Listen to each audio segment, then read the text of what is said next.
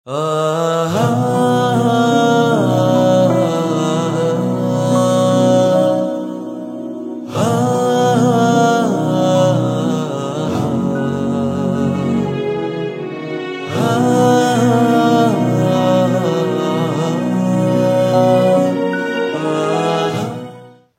لله رب العالمين وصلى الله على سيدنا محمد طه النبي الأمي الأمين. وعلى آله وصحبه الطيبين الطاهرين ورضي الله عن جميع الأولياء والصالحين والعلماء العاملين. أما بعد إخواني وأخواتي في الله يقول الله عز وجل في القرآن الكريم إنما يخشى الله من عباده العلماء. انتبهوا لمعنى هذه الآية. الله تعالى يخبرنا في هذه الآية أن العلماء هم أشد خشية لله تعالى من غيرهم. لماذا؟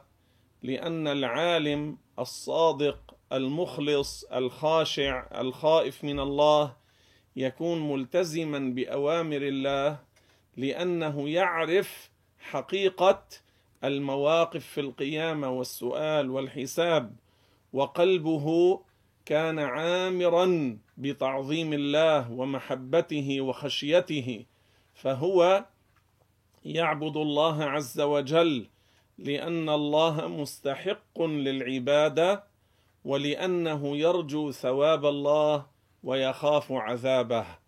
ليس كما يقول بعض الناس قالت رابعة العدوية هذا كلام ليس معتمدا. بعض الناس يقولون أنا لا أعبده طمعا في جنته ولا خوفا من ناره. هذا الكلام ليس معتمدا وليس دقيقا. لماذا؟ سيدنا علي بن أبي طالب باب مدينة العلم رضي الله عنه وأرضاه ماذا يقول؟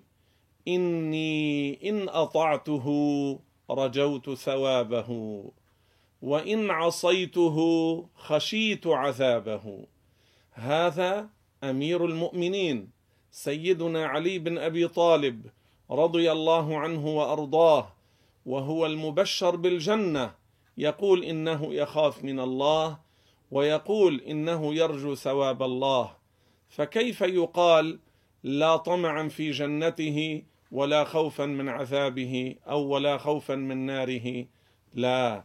بل الذي في القرآن عن بعض الأنبياء والذي أطمع أن يغفر لي خطيئتي يوم الدين. فاذا الأنبياء يخشون الله تعالى أشد من غيرهم. لكن لا لأنهم يخافون أن يعذبهم في الآخرة فهم لا عذاب عليهم في الآخرة.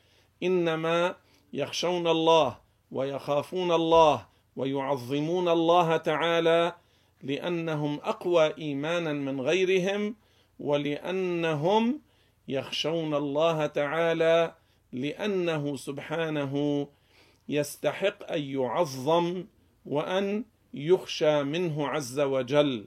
فهم يخافونه خوف الإجلال والتعظيم. لذلك معنى هذه الآية الكريمة إنما يخشى الله من عباده العلماء أي أن العلماء يخشون الله أكثر من غيرهم يعني أكثر من عامة الناس يعني أكثر من العوام. وليس كما يقول بعض الدجاجلة. بعض الدجاجلة ماذا يقول على زعمه؟ يقول إن الله يستحي أن يعذب العلماء يوم القيامة. هذا كذب هذا غير صحيح. وحاشا لله تعالى. الله عز وجل لا يقال عنه يستحي أن يعذب العلماء. الله لا يوصف بصفات خلقه. فالله ليس كمثله شيء ومنزه عن الإحساس والشعور وعن اللذة والألم وعن الانزعاج والتأثر والانفعالات والتغير والتطور والتبدل لأن الله ليس كمثله شيء. والله إذا عذب إنسانا إنما يعذبه بعدله سبحانه. إذا عذب إنسانا يعذبه لأن هذا الإنسان كان مستحقا للعذاب. وإن تفضل على إنسان وإن أكرم إنسانا فهذا من فضل الله. ولا يجب عليه لأن الله لا يجب عليه شيء. يا إخواني ويا أخواتي هذه الآية الكريمة إنما يخشى الله من عباده العلماء تبين أيضا قدر منزلة العلماء الأولياء العلماء الأتقياء الذين تكلمنا عنهم في المجالس السابقة. ومن العلماء الخاشعين العلماء الأتقياء العلماء الصلحاء مولانا المرشد الولي الصالح الشيخ عبد الله الهرري رحمه الله ورضي الله عنه فإنه يقول علم أهل السنة مفتاح الجنة. انظروا إلى هذه العبارة. تفكروا بمعناها. تأملوا بما تضمنته.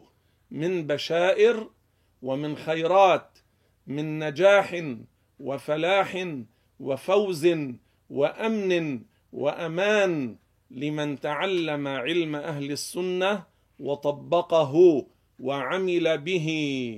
فاذا من وصايا شيخنا الإمام من وصايا وإرشادات مولانا العلامة الحافظ المجتهد الشيخ عبد الله الهرري نفعنا الله ببركاته من أقواله العظيمة. انظروا علم أهل السنة مفتاح الجنة. اولا لماذا قال علم أهل السنة؟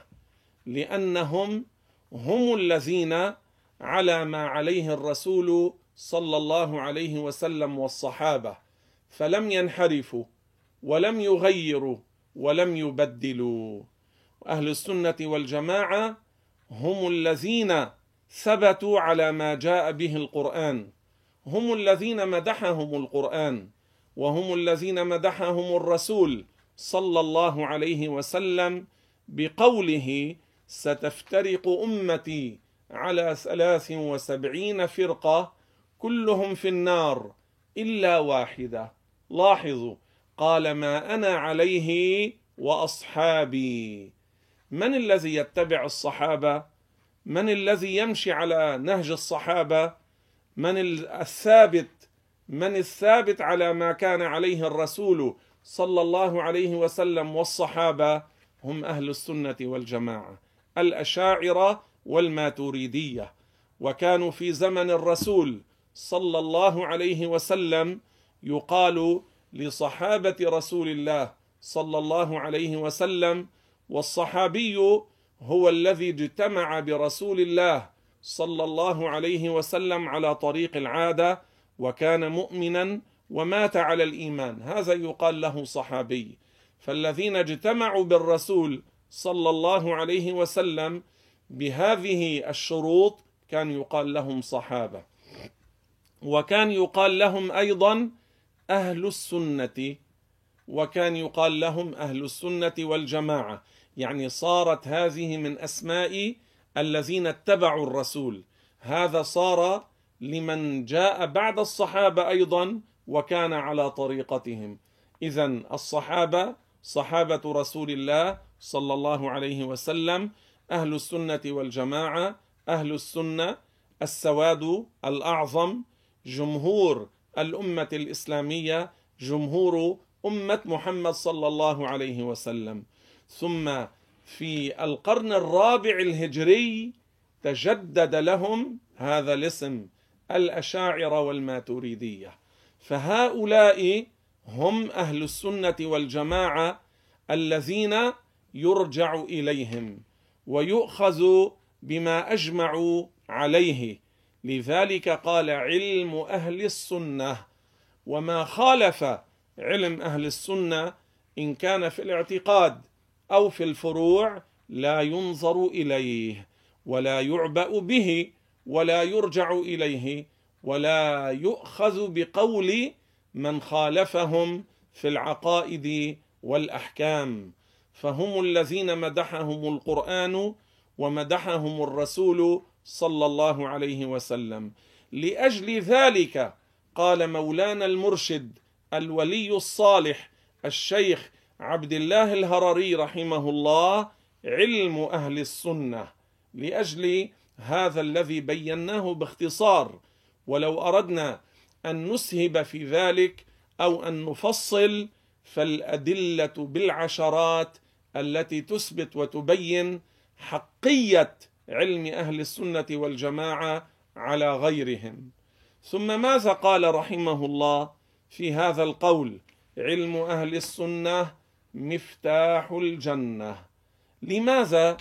لأن الذي يموت على غير عقيدة الإسلام الذي يموت على كفرية من الكفريات الذي يموت على عقيدة التشبيه والتجسيم وعقيدة الاعتزال التي تقول إن العبد شريك لله في خلق أفعال العباد الذي يموت على عقيدة الحلول والاتحاد الذي يكذب بالمشيئة الذي يشبه الله بخلقه الذي يصف الله بصفات المخلوقين يصف الله بالقعود أو الجلوس أو الشكل والصورة والحجم أو أنه يتغير أو يتطور أو يوصف بالحركة والسكون أو بالاتصال والانفصال فهذا ليس من المسلمين وليس من أهل السنة. فإن مات على ذلك فهو في النار لأنه مات على عقيدة كفرية لأنه مات على ما يكذب الإسلام والقرآن ومذهب وعقيدة أهل السنة والجماعة. علم أهل السنة فالذي يموت مكذبا للقرآن مكذبا لعقيدة أهل السنة فهذا ليس من المسلمين وعليه فإنه لن يكون من أهل الجنة بل هو إلى النار لأنه مات على عقيدة كفرية لا معه الاعتقاد الصحيح ولا مات على الإيمان بل مات على كفرية من الكفريات. كيف يثبت على الإيمان؟ كيف يثبت على الإسلام؟ كيف يكون معه مفتاح الجنة بأن يتعلم علم أهل السنة والجماعة أن يحصل هذا العلم وأن يعمل به ويموت على ذلك. عن هذا قال علم أهل السنة مفتاح الجنة. لأنه بهذا العلم يعرف كيف يثبت على الإسلام. بهذا العلم يعرف كيف يتجنب الكفريات.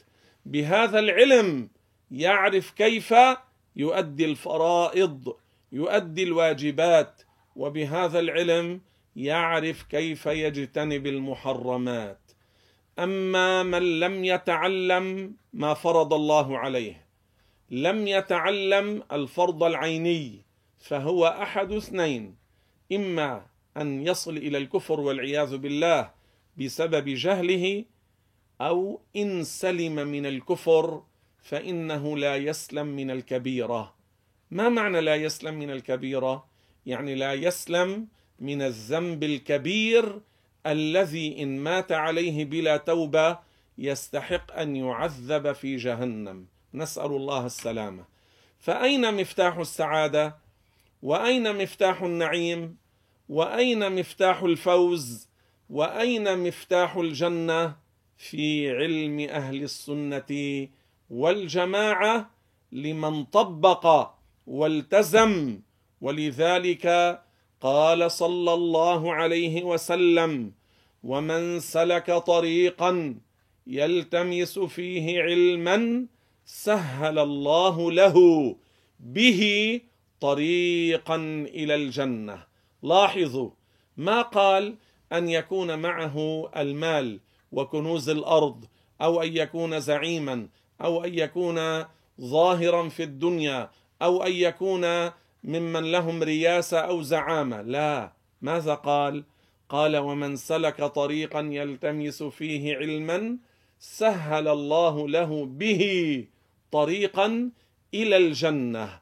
ارجعوا إلى ما قاله مولانا الإمام. المرشد الولي الصالح رحمه الله علم أهل السنة مفتاح الجنة فهلموا إلى مجالس العلم. أقبلوا إلى مجالس العلم. لا تشبعوا من العلم ولا تزهدوا في العلم بل ازهدوا في الدنيا وأقبلوا إلى مجالس العلم. فمجلس العلم روضة من رياض الجنة. وبالعلم تسلكون طريق الجنة إن عملتم به إن طبقتم ذلك والتزمتم به وإلا فالعمر قصير وهو يسير. يا إخواني ويا أخواتي أقبلوا إلى دروس مشايخ جمعية المشاريع الخيرية الإسلامية. أقبلوا إلى المساجد إلى المصليات إلى البيوت إلى القاعات التي تقام فيها المحاضرات. أقبلوا إلى مجالس الخير والبركة وانتبهوا لا تستمعوا للجهال ولا لمن باع الدين بالدنيا ولا للذي يحرف ولا للذي يغير. لا تستمعوا للدجاجلة ولا للذين يفسدون في الأرض ولا للذين يفتون بغير علم ولا تدخلوا إلى مواقع التواصل كيفما كان وكيفما اتفق. إنما ادخلوا إلى مواقع من عرفوا بأنهم أهل للعلم ثقات عدول يخافون الله يخافون الفتوى بغير علم وإلا فالهلاك كبير. قال رضي الله عنه علم أهل السنة مفتاح الجنة رزقني الله ذلك وإياكم والحمد لله رب العالمين. آه, آه،, آه،, آه.